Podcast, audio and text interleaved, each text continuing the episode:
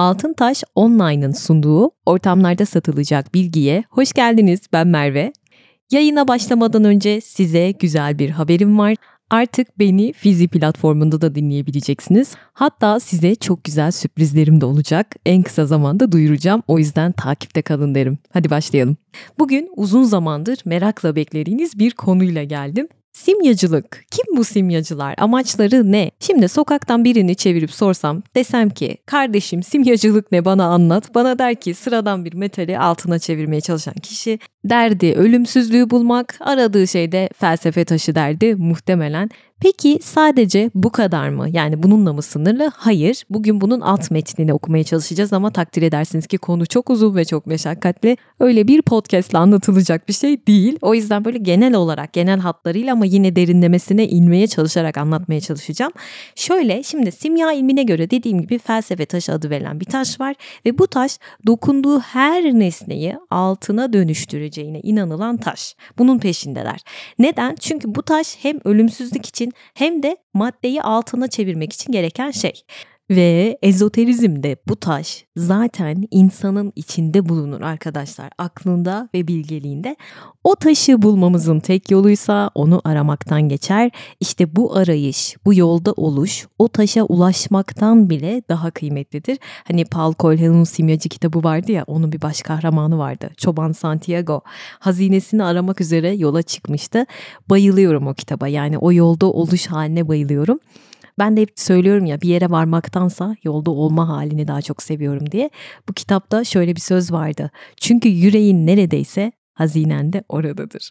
Hadi o zaman en baştan başlıyoruz hazinemizi keşfetmeye. Şimdi simya en başından beri bir gizlilik, bir yasaklanmış aurasıyla çerçevelenmiştir ve dediğim gibi olay böyle sadece işte felsefe taşını keşfedelim, hadi bakalım ölümsüzlüğü bulacağız öyle bir şey değil. Simya aynı zamanda insan ile doğanın, ruh ile maddenin çok sıkı bağlarla birbirlerine bağlı olduğuna dayanan bir dünya görüşü yansıtıyor en başından beri.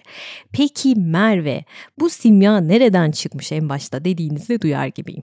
Şöyle şimdi Büyük İskender milattan önce 332'de Mısır'ı fethediyor arkadaşlar ve bu ülkenin kültürel açıdan böyle uzun süredir Yunanlara örnek oluşturduğunu da biliyor zaten. Nereden biliyor Merve? Tarihçi Herodot'un yazılarından tabii ki. E bir de Pisagor var. Pisagor e, Herodot'tan önce bu topraklara Mısır'a gitmiş ve burada hem Mısırlıların dini inançlarını hem de teknik ve bilimsel alandaki bilgilerinden istifade ettiği söylenir. Güya Büyük İskender Mısır'ı fethettiği zaman e, Hermes'in mezarını buluyor ve bu mezarda zümrüt tabletlere ulaşıyor. Bunları açığa çıkarıyor. Zümrüt tabletler de simyacılığın mihenk taşı arkadaşlar ve bunları bir şekilde Yunan dünyasına ulaştırıyor. Tabii bu bir rivayet. Devam edelim. Şimdi bu fetih sonrası Arap-Yunan kültürleri böyle karışıyor ve Helenizm doğuyor diyebiliriz. İşte bu iki geleneğin, iki kültürün o karşılıklı etkileşimi sonucunda yeni fikirlere ve yeni yaklaşımlara son derece açık bir pozisyon oluşuyor, bir düşünce biçimi oluşuyor. Bu da aslında simyanın gelişmesi için elverişli bir zemin oluşturuyor diyebilirim. Bunu biraz açalım. Şöyle ki şimdi her ikisi de nehirlerle bağlantılı olan iki gelişmiş kültür. Fırat ve Dicle nehirlerinin o çevrelediği bölge. Babil, Asur ve bir tarafta da işte Nil Vadisi'nin Firavunlar İmparatorluğu. Bunlar çok gelişmiş kültürler ve Babililerin inanışına göre beş duyu ile algılanan gerçek dünyanın ardında bir gerçeklik daha söz konusu. Bu gizlenmiş bir gerçek. İşte bu gizlenen gerçeklikle perde arkasındaki gerçeklikle gerçek dünya arasında karmaşık bir etkileşim mevcut Babillilere göre, onların inanışına göre. Ve bu iki farklı dünyanın bir araya gelmesi sonucunda oluşan bütüne de evren olarak bakıyorlar, öyle kabul ediyorlar. Ve bunu düşünen sadece Babiller mi? Elbette ki hayır. Onlar sadece bunu ön plana çıkarttı diyebiliriz ki buradaki olay din ve büyü ile ilgili düşüncelerin temelini oluşturmuştur. Babil deyince büyüler geliyor aklımıza. Şimdi bir tık daha geri gidiyorum. Milattan önce 850 dolaylarına gidiyoruz. Burada bilgi tanrısı Enki'nin yaşadığı yer olan Eridu kenti var ve bu Eridu kentindeki rahipler şöyle düşünüyorlar. Evren dünyada yaşayan tüm insanların bir yansıması Kim bu adamlar peki? Bu rahipler kim? Kaldeniler. Duymuşsunuzdur Kaldenistler. Kaldenistler olarak da adlandırılan bu rahip büyücüler, bakın rahip büyücü diyorum, büyücülüğün temellerini atıyor arkadaşlar. Makrokozmozla mikrokozmos arasında bir paralellik kuruyorlar ve bu temeli atıyorlar. Bu makrokozmos olayına az sonra geleceğim. Simyanın alt zemininde de bu var. Ve bu arada büyüye dair ilk yazılı kaynaklar ta Sümerlere dayanıyor. Çok eski büyünün tarihi. İşte Akatlar, Babiller diye gidiyor Asurlular hepsinde görüyoruz. Ama dediğim gibi Babilliler için büyü hayat memat meselesi diyebilirim. Yani adamlar hasta oldukları zaman bile buna bir inincinin sebep olduğuna, bir şeytanın sebep olduğunu düşünüyorlar. Tüm hayatları bunları kovalamakla geçiyor. O yüzden simya konusundan önce buraya bir projektör tutmak istiyorum. Yani taşlar otursun diye. Büyü nedir? Buna biraz değineceğim. Şöyle geçmişte ve gelecekte gerçekleşecek olan olayları görme yeteneği. Daha doğrusu gördüğünü iddia etme diyelim ve doğa yasalarına etki edebilme yeteneği. Bunları yaparken nasıl yapıyorlar? Doğa üstü güçlerden destek alıyorlar. Büyücüler şöyle ki dünyayı kaplayan ve gözle gördüğümüzün ardındaki o iç yapıdan, o gizli bilgiden faydalandıklarını dile getiriyorlar. Bu şekilde büyü yaptıklarını dile getiriyorlar ve bu bilgiye göre de tanrılar da iblisler de tamamen özgür değiller, belli yasalara tabiler. İşte büyü için gerekli olan şey ne? Bu yasalar, bu yasaları kapsıyor büyü. Ve büyücü için öte alemin varlığı bir ilkedir. Yani makrokozmos evren, mikrokozmos yani insan bunların arasındaki o paralellik, o öte alem büyücülüğün ilkeleri gibi düşünebilirsiniz. Ve bu büyülerin de tabii ki alt grupları var. İşte simyacılığın alanına giren kısım doğa büyüsü arkadaşlar. Neden? Çünkü bu büyü türü doğal olaylara neden olan gizli ilişkileri ve nedenleri açıklığa kavuşturmaya amaçlıyor. Yani simya içine astrolojiyi alıyor, büyüyü alıyor, batini dallara da aracılık ediyor bir noktada. Şimdi biraz Mısır tanrılarından bahsedeceğim. Çünkü simyanın oluşumunda önemli yerleri var. Şöyle ki şimdi tanrılar hiyerarşisinde tabii ki en önemlisi Mısır için hangisi? Güneş tanrısı değil mi? Ra diyoruz ya. Ve işte doğa tanrıları. Ama en en önemlisi Mısır için güneş tanrılarıdır. Şimdi Mısır inanışına göre güneş tanrısı güneş gemisiyle gündüzleri gökyüzünde geceleri ise Osiris olarak adlandırılan ölüler ülkesinde dolaşır. Isis ve Set isimli tanrılar burada yaşayan kötü ruhlu, güçlü bir yılanın güneşe kötülük yapmasını engeller. Mısırlıların en büyük korkularından birisi de güneşin bir daha hiç gelmemesi, ölüler diyarına gidip bir daha dönmemesi ve sonsuza dek gecenin, karanlığın hüküm sürmesinden çok korkarlar ve ölümden sonra yaşama inanıyorlar. Yani yeraltı dünyasının hükümdarı dediğim gibi Osiris Osiris ölüleri yargılıyor, kimlerin ebedi yaşamı hak ettiğine, kimin ölü yiyici dişi yılan, buraya dikkat dişi yılan tarafından boğulup yutulacağına karar veriyor bir de Mısır'ın en büyük ana tanrıçası var Isis arkadaşlar. Gökyüzü tanrıçası Nut'un kızı Set ile Osiris'in de kız kardeşi. Isis yeryüzüne hükmeden tanrıça ve bonus büyücülerin efendisi. Şimdi Isis ve Osiris efsanesi çok önemli. Mısır dininin bütünü açısından önemli. Şöyle ki Osiris Mısır'a uygarlığı getirmiş olan ve ilk mitolojik hükümdar olarak kabul ediliyor. Isis de onun kız kardeşi dediğim gibi. Şimdi Osiris erkek kardeşi Set tarafından öldürülüyor kilitli bir tabut içerisinde Nil nehrine atılıyor ve nehir Osiris'in tabutunu sürüklüyor. Ve kardeşinin yasını tutan Isis çakal başlı Anubis'in yardımıyla abisini buluyor ve Mısır'a geri götürüyor. Ve bunun üzerine Set Osiris'in cesetini bu sefer parçalara bölüyor. Ama Anubis parçaları tekrar birleştiriyor ve onu diriltmeyi başarıyor. Isiris Osiris'ten Şahin başlı tanrı Horus'u dünyaya getiriyor. Isiris ne ya? Isis.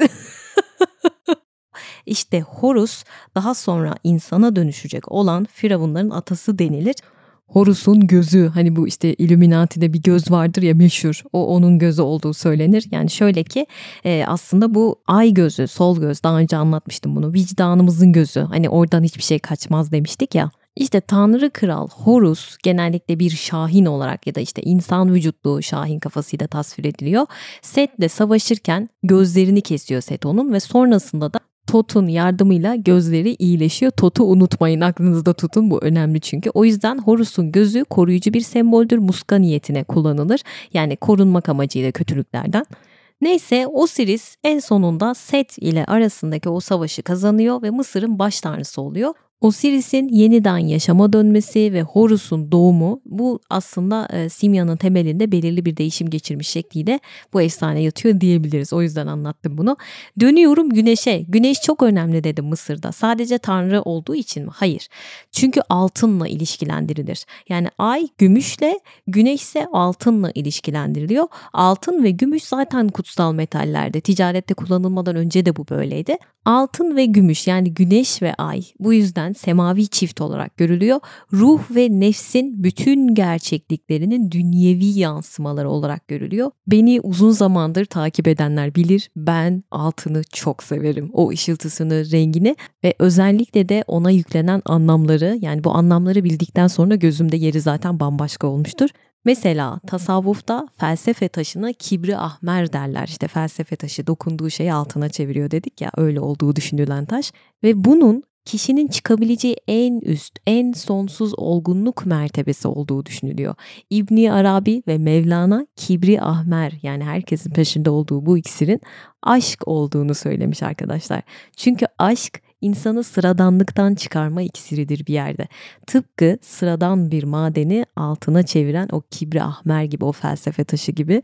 Hatta Yunus Emre de aşkın insanı ölümsüzleştirdiğine inanır. Hani der ya aşıklar ölmez. O yüzden altın deyip geçmemeli. Yani yeryüzünün en kusursuz metali insanlar boşuna peşine düşmemiş ki zaten altın takmanın sağlık üzerinde de geçmişten günümüze olumlu etkileri hep kanıtlandı.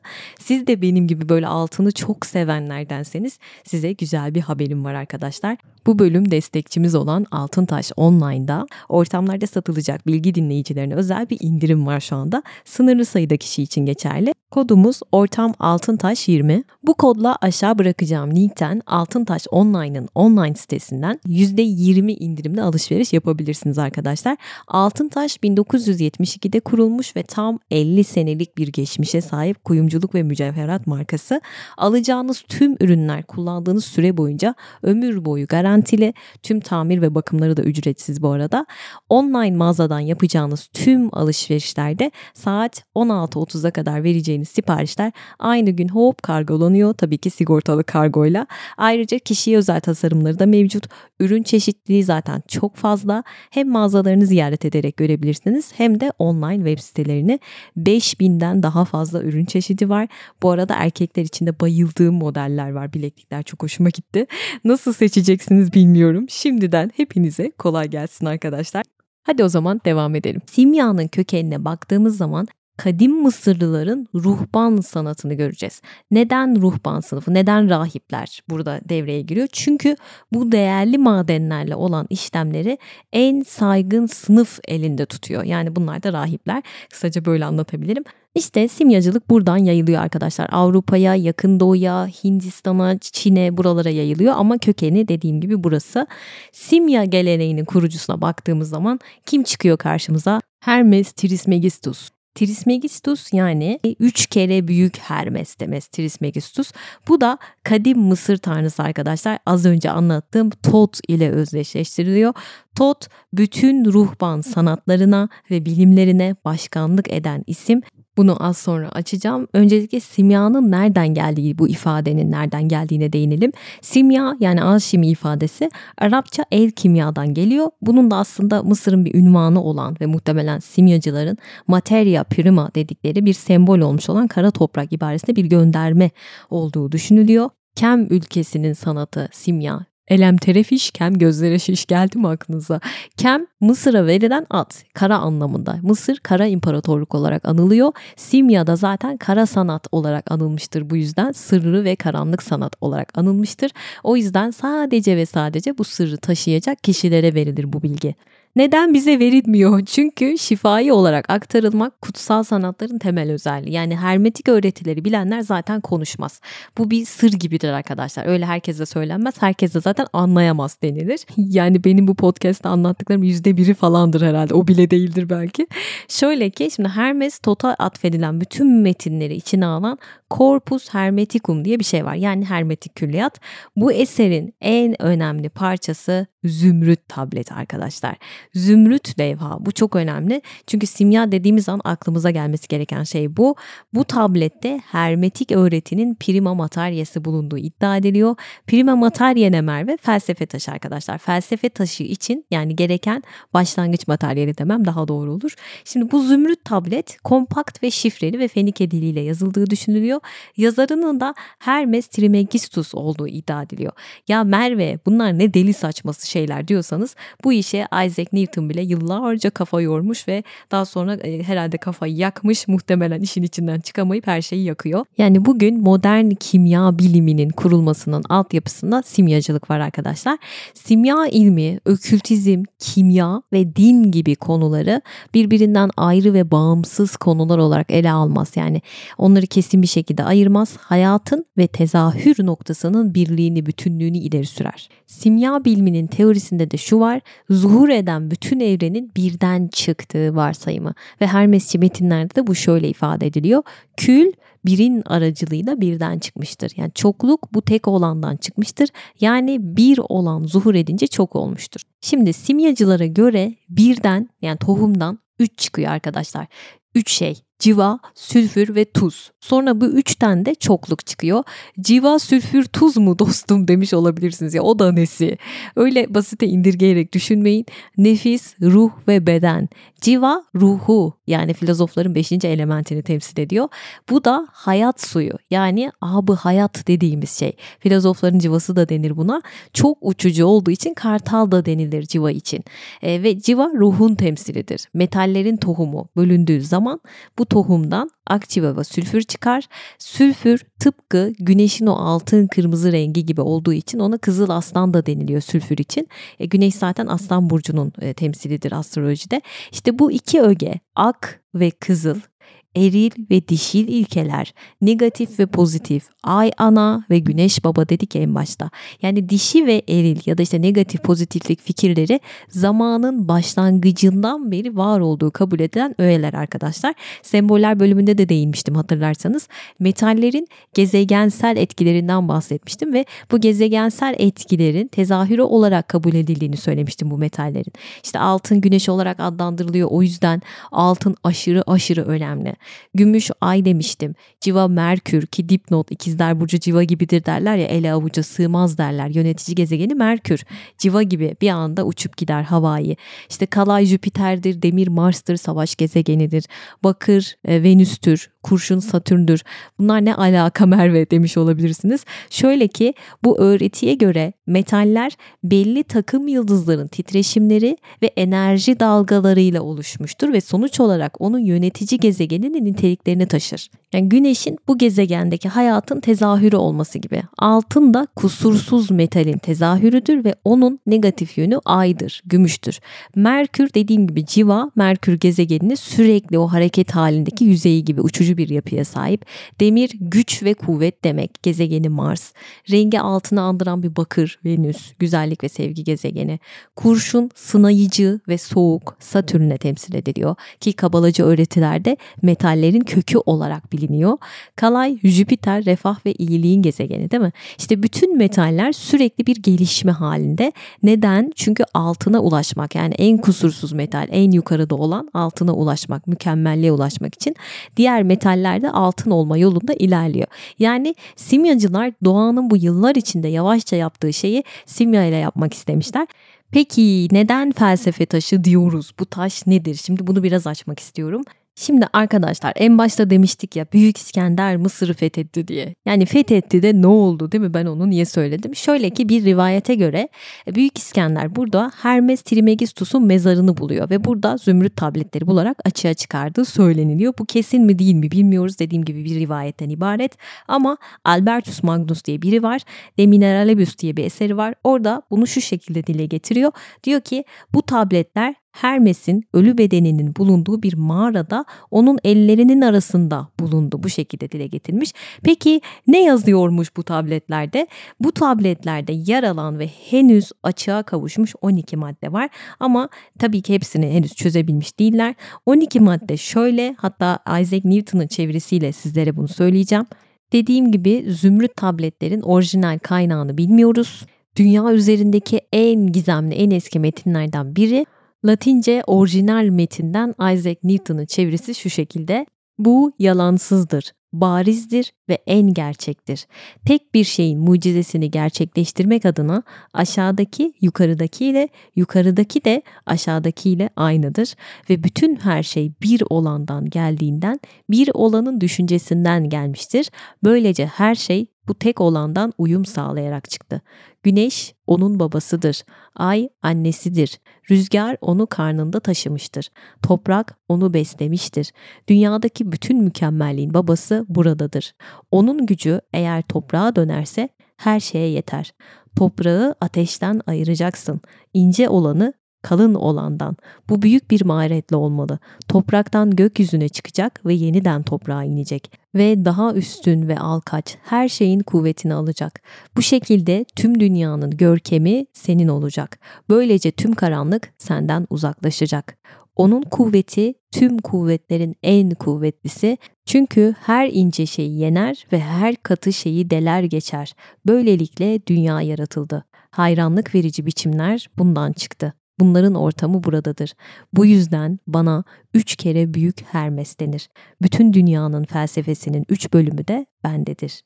Güneşin işletişi hakkındaki söylediklerim böylece bitiyor ve tamamlanıyor. E, bu Isaac Newton'un çevresi dediğim gibi şu anda Cambridge Üniversitesi'nde King's College kütüphanesinde bulunan simya kağıtları arasında yer alıyor arkadaşlar. Ve bu zümrüt tabletin Hermes'e yani Hermes Trismegistus veya işte Tot dediğimiz veya Peygamber Enok ya da İdris'e ait olduğu düşünülüyor. Onun yazdığı düşünülüyor. E zaten hepsinin de aynı kişi olduğu düşünülüyor. Renkarne olayı da bu.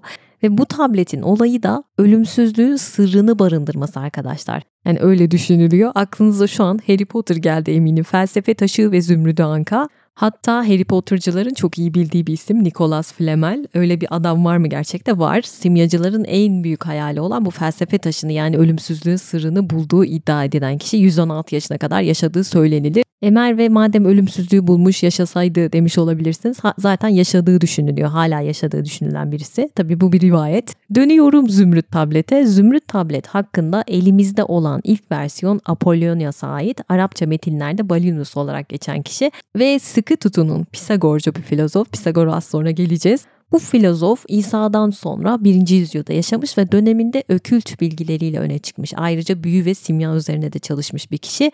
İşte bu filozofa atfedilen çok önemli bir kitap var. Yaratılışın Sır kitabı bu kitabın adı.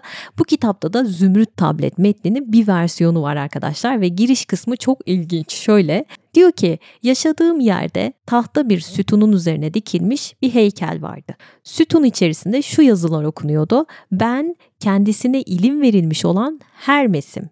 Eserim önce herkese açıktı ancak daha sonra benim kadar bilge biri tarafından yeniden bulunsun diye sanatımı sakladım. Heykelin göğsünde eski dilde yazılmış şu yazılar vardı. Eğer birisi varlıkların yaratılışının sırlarını merak ediyorsa ayaklarımın altına baksın. Herkes bu heykeli görmeye gelirdi. Ayaklarının altına bakıp bir şey bulamazlardı. Ben ise küçük, zavallı bir çocuktum. Fakat büyüyünce o yazıyı okudum ve anlamını kavradım diyor ve toprağı kazmaya başlıyor. Toprağın altında da içinde güneş girmeyen karanlık bir geçit buluyor. Meşalesini bile yakamıyor. O kadar çok rüzgar var ki Sonra içeride uyuyakalıyor ve bir sesle uyanıyor. Bu sesin sahibi kendisine böyle tıpatıp benzeyen bir ihtiyarmış. Ve bu ihtiyar ona diyor ki kalk ve yer altına gir. Bu yol seni yaratılışının sırrına götürecek ve doğanın nasıl oluştuğunu göreceksin diyor bu ses. Neyse Balinus ihtiyara soruyor sen diyor kimsin kardeş? o da diyor ki ben senin yaratıcınım. Mükem yaratıcınım ne ya? Yaratıcınım. Mükemmel olanım diyor. Balinus da ihtiyarın dediğini yapıyor. Yer altına iniyor ve orada altın bir tahtın üzerinde oturan yaşlı bir adam görüyor ve bu adamın elinde de zümrüt bir tablet var ve tabletin üzerinde doğanın varoluşu buradadır yazıyor. Önünde duran kitapta da bütün var olanların yaratılış sırrı ve her şeyin nedenlerinin bilimi buradadır yazıyor. Balinus tabii koşarak kitabı alıp çıkıyor ve bütün var olanların yaratılış sırrı kitabında yazan her şeyi öğreniyor. Her şeyin nedeninin bilgisine erişiyor ve bu ilmi onu meşhur kılıyor. Tılsım ve doğaüstü şeylerin bilgisini öğreniyor ve dört elementin birleşmelerini, çekimlerini, itimlerini tanıdım diyor. Sembollerle dolu bir anlatım tabii bu. Yani zümrüt tabletlerle ilgili en eski yazılı kaynak olduğu için bunu anlattım. Ama bu tabletlerin önemi dediğim gibi hermetik bilgileri mihenk taşı olarak kabul edilmesinden geliyor ve bu tabletin de ilk çıkış noktasının Atlantis yani Mu kıtası olduğu düşünülüyor. Şimdi önceki podcastlerimi dinleyenler diyecekler ki Emer ve Gizemli Maya Uygarlığı podcastinde de sen işte Atlantis'ten Mu'dan bahsetmiştin. Hatta Mayaların onların işte torunları olduğu düşünülüyor demiştim orada. Şimdi Mısır'dan bahsederken yine karşımıza Atlantis ve Mu kıtası çıktı diyebilirsiniz. Hatta ve hatta Göbekli Tepe bölümünde de bahsetmiştim bundan. Platon'dan bahsetmiştim. Yine buralara geldik. E Merve nasıl oluyor bu demiş olabilirsiniz. Zümrüt tablette Atlantis, Mu ile alakalı olduğu düşünülen bir kısım var arkadaşlar batan bir kıtadan bahsediliyor. Diyor ki cezalandırılanların toprakları gömüldü ve bu kısmın Atlantis'i kastettiği düşünülüyor ama tabii bir kesinlik var mı? Yok. Ayrıca Tot'un da Atlantis'te olduğunu düşünenler var. Tot yani Hermes Trismegistus 3 kere büyük Hermes. Niye 3 kere? Çünkü 3 boyutta da yaşamış, bilgi taşımış, bir zaman yolcusu gibi düşünün. İnsanlığın daha önceki hayatlarında da yaşamış olma ihtimali var ve 3 boyutta yaşama olayı ona tanrısal bir karakter kazandırıyor. Zaten Tot'un şöyle bir özelliği var. Biri öldükten sonra ruhunun nereye gideceğini o karar veriyor, o yargılıyor. Elinde bir terazi var, yüreğini tartıyor insanların ve yazıyor e, hierogliflerin, simyanın, büyünün, bilgeliğin tanrısı olarak anılıyor ve bütün bunları da zümrüt tablete bakarak yapıyor. Yani kutsal bir metine bakarak insanların onu uyup uymadığına bakarak yargılıyor. Tek tanrılı dinlere benziyor değil mi? Kutsal kitaplar ve yargılamaları gibi tanrısallığı da buradan geliyor diyebilirim. Ve dediğim gibi Tot, Hermes yani Enok, İdris, Kur'an'da da geçer İdris peygamber.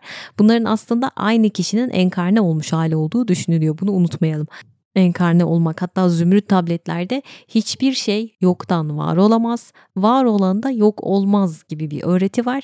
Ruhun büyük yaratıcıdan gelen bir parça olduğunu, bu yüzden yeniden ona yaratan kişiye döneceği düşünüyor. Yani onunla yeniden buluşana kadar da kendi bilgeliğini arttırmak zorunda olduğunu ve bunu da zaman içerisinde sürekli olarak kendini yenileyerek, yeniden yeniden bedenlenerek yani enkarnasyonla başarabileceğini söylüyor. Yani arkadaşlar arkadaşlar ruh tekamülleri için defalarca gelir gider. İşte Hermes de böyle bir zaman yolcusu olarak kabul ediliyor. Zamanda ileriye ve geriye giderek insanoğlunun gelecekte yaşayabileceği felaketlere onlara bir şekilde anlatmaya çalışıyor bu tabletlerde. Hatta insanoğlunun hırsının, kibrinin, egosunun bütün dünyayı mahvedeceğini de iletmeye çalışmış. İşte bu süreçte bazı insanların ilmiyle, farkındalığıyla aslında hermetik bilgilere vakıf olduğu düşünülüyor. Hani çağın çok ötesinde adamlar var ya diyoruz ki ya çağ açtı, çağ kapattı böyle adam adamların aslında hermetik bilgilere vakıf olduğu düşünülüyor. Şimdi Mu kıtasına dönecek olursak bu kıtada 50 bin yıl önce 64 milyon kişinin yaşadığı düşünülüyor ve bu insanların sembolizme dayanan tek tanrılı bir dini olduğu düşünülüyor arkadaşlar. Hayatını biliyorsunuz ki bu işe vakfeden araştırmacılar var Mu kıtasını Atlantis'e adayan insanlar. Bunlardan en önemlisi de James Churchward. E, diyor ki Mu imparatorunun adı Ra-Mu Ra'nın kim olduğunu biliyorsunuz. Mısır'ın güneş tanrısı. Mu zaten belli. Mu kıtası. İşte bu bilginin Atlantis'ten Mu'ya taşındığı düşünülüyor arkadaşlar. Teknolojik olarak çok gelişmiş olan Mu uygarlığının 70 bin yıl önce diğer kıtalarda koloniler oluşturmaya başladığı ve bunların da işte Hindistan, Pers, Babil, Mısır, Maya kolonileri olduğu iddia ediliyor. O yüzden diyorum işte pek çok yerde karşımıza çıkıyor. Hatta diyor ki en büyük koloni Büyük Uygur İmparatorluğu'na aitti. Atatürk de bu yüzden acaba Türklerin kökeni Mu'ya mı dayanıyor diye araştırmaya başlamış. Bunu anlatmıştım diğer bölümde ve Mu kıtasının bir tufandan dolayı ya da işte bilinmeyen bir sebeple battığı düşünülüyor. Antik Maya uygarlığın yapıtlarında da Mu ile ilgili bilgiler olmasından dolayı kafalar bir şekilde karışıyor. Atlantis kıtası Mu uygarlığının kolonisi böyle düşünülüyor arkadaşlar ve Atlantis'ten ilk bahseden de Platon bir gecede okyanusa batan uygarlık olarak bahsediyor. Sonra bu iddialar alıp yürüyor tabii ki. İşte bu üç kere büyük Hermes Trismegistus diyoruz ya yani üç kere ermiş Hermes. Onun da Atlantisli bir baş rahip olduğu düşünülüyor arkadaşlar ve bu batan kıtadan kurtularak Atlantis'in o büyük sırlarını Mısır'a taşıdığı düşünülüyor. Yani Atlantis çok ileri bir teknolojideydi dedim ya bunları Mısır'a getirdiği düşünülüyor. Hermes, Tot, Yunan mitolojisinin Hermes'i ki Merkür iletişimle anıyoruz Merkür'ü ulak olarak görüyoruz. İnsanlara bilgi yaymakla anılır astrolojide de. Kur'an'da İdris peygamber ki Kur'an'a göre İdris peygamber Adem'in oğlu Şit'ten sonra gelmiş üçüncü peygamber. Kalemle yazı yazan ilk insan olarak biliniyor. Tevrat'ta da İdris Hanok olarak geçiyor. Çok uzun süre yaşadığı ve yaşamının sonunda ölmediği Tanrı katına alındığı düşünülüyor arkadaşlar. Bu arada üç kere diyoruz 3 sayısı zaten hermetizmde çok önemli ve simyada az önce dediğim gibi 3 aşamalı değil mi? Simgesi de üçgen simyacılıkta. 3 kere 3 9 ve ezoterizmde 9 ölümün ve yeniden doğuşun sembolü arkadaşlar. Ezoterizm ne Merve ilk defa duyanlar olabilir. Şöyle ki derin böyle kadim bilgilerin sır gibi saklanması ve sadece bir üstad yoluyla işin ehli olan kişilere öğretilmesi. Öyle herkes öğrenemez dedim ya. Ya bunu öğrenebilmek için belirli kademelerden geçmek gerekiyor. Bu da inisiyasyon inisiyasyon yoluyla oluyor ve bu inisiyasyonu yani spiritüel rehberinin kılavuzluğunda olan süreci tamamlayanlara da inisiye ediyoruz arkadaşlar. Kabul görmüş kişi anlamında kabul edilen kişi. Örnek ver Merve işte eski Mısır'da çok yaygın mayalarda var Pisagorculukta var yani Pisagor'un Mısır'a gittiğini söylemiştim. Bu da mesela bir inisiye olduğunu söyleyebiliriz. Platon'un da öyle olduğu söylenir. Hermes Trismegistus öyledir. Yani inisiye olduğu söylenir. Hatta Hazreti İsa için bile bu söylenir. Ama dediğim gibi burada olan burada kalır mantığı var. Yani Fight Club gibi bir sır var ortada. Sadece belli sayıda layık görülen kişilere veriliyor. Ama bence en önemli isimlerden biri Pisagor bu noktada. Çünkü doğayı, evreni anlayabilmek için geometri, müzik ve astronomi şart ona göre. Bu önemli simyada. Neden? Çünkü bunlar aslında şifrelerle dolu. Yani yaratıcının evreni kurarken geometriden faydalandığı, işte o süreçteki plan projeleri matematikle yaptığı, sayıların gücüyle yaptığı ve evrenin armonisinin de müzikle olduğu yani yaratılışın sırrı bir senfoni ve bu müzikte ruhu gibi görülüyor arkadaşlar. Sayıların gizemi bölümünde Pisagor'dan bahsetmiştim. Zümrüt tablet bulunduktan sonra arkadaşlar Yunanistan'a getiriliyor ve Platon'un zümrüt tabletlerle ilgili bilgeliğinin de meşhur Atina okulu öğretilerinde karşımıza çıktığını görüyoruz görüyoruz yer yer. Pisagor'un da sayı hermetiği üzerine olan bilgilerinin yine bu tabletten olduğu düşünülüyor. Peki neden filozof taşı diyoruz, felsefe taşı diyoruz? Çünkü arkadaşlar simyacılıkta ruhunun, zihninin, bedeninin temizlenmesi lazım. Yani sadece olay altın değil gördüğünüz gibi. Sadece maddi elementlerle uğraşarak o sırra vakıf olunamıyor. Önce insanın ruhunda bir dönüşüm, bir simya gerçekleşmesi gerekiyor. Yani aslında insanın özü kutsal bilginin tamamına vakıf ama sınırlı bilincinden dolayı bir perde var, bütününü göremiyor. Sadece bir kısmına erişebiliyor. Hani Hallacı Mansur Enel Hak dediği için öldürüldü ya ya da işte Mevlana hamdım, piştim, yandım der Mevlana aslında maneviyatındaki o simyayı görüyoruz burada. Simyacılar arkadaşlar kırmızı iksir adını verdikleri bir karışımla değersiz metalleri altına dönüştürmeye çalışıyorlardı. Ama bu kırmızı iksir için önce ne gerekiyor? Simyacının o imbiğindeki maddenin çürümesi gerekiyor. Ve bu madde çürüdükten sonra o kırmızı iksire dönüşebiliyor. Ve bu metalin altına dönüşmesi arkadaşlar aşama aşama. Önce ham sonra arınmış, sonra altın olmuş gibi düşünün. Hamdım, piştim, yandım. Zümrüdü anka gibi küllerinden doğmak, ruhsal bir dönüşüm. Yani Mevlana'nın nefsini yenişi ve yanarak olgunlaşması, ilahi aşka ulaşması yani özüne. Dünyada ateşle buluşmayan hiçbir şey olgunlaşmamıştır der bir simyacı ve Paul Coelho simyacısında der ki en karanlık an şafak sökmeden önceki andır der. Biz gördüğünüz gibi bu konudan çıkamayız. Mevzu çok uzun, çok derin ama simyacılık deyince sadece böyle uyduruk metali altına çevirmeye çalışan adamlar hayal etmeyin. Altın tüm metallerin en kusursuzu ve simyacılara göre dünyadaki tüm metaller en değersizi bile zamanla altına dönüşebilir ve o altının ne olduğunu artık biliyoruz. Bu podcast'i Latince bir simya formülüyle bitiriyorum arkadaşlar. Vitriol yani dünyanın derinliklerini, içini ziyaret et. Damıtırken, aratırken o gizli felsefe taşını bulacaksın. Altının değerini sarraf bilir derler. Altın Taş Online'ın sunduğu ortamlarda satılacak bilginin sonuna geldik. Açıklamalara bırakmış olduğum linkten Altıntaş Online'ın birbirinden güzel ürünlerini incelemeye başlayabilirsiniz. Bize özel indirim kodundan faydalanmayı unutmayın. Kodumuz ortam altıntaş 20. Bu hayatta felsefe taşı arama yolculuğumuz hiç bitmesin. Yolda olmak çok güzel. Kendinize iyi bakın. Hoşçakalın. Bay bay.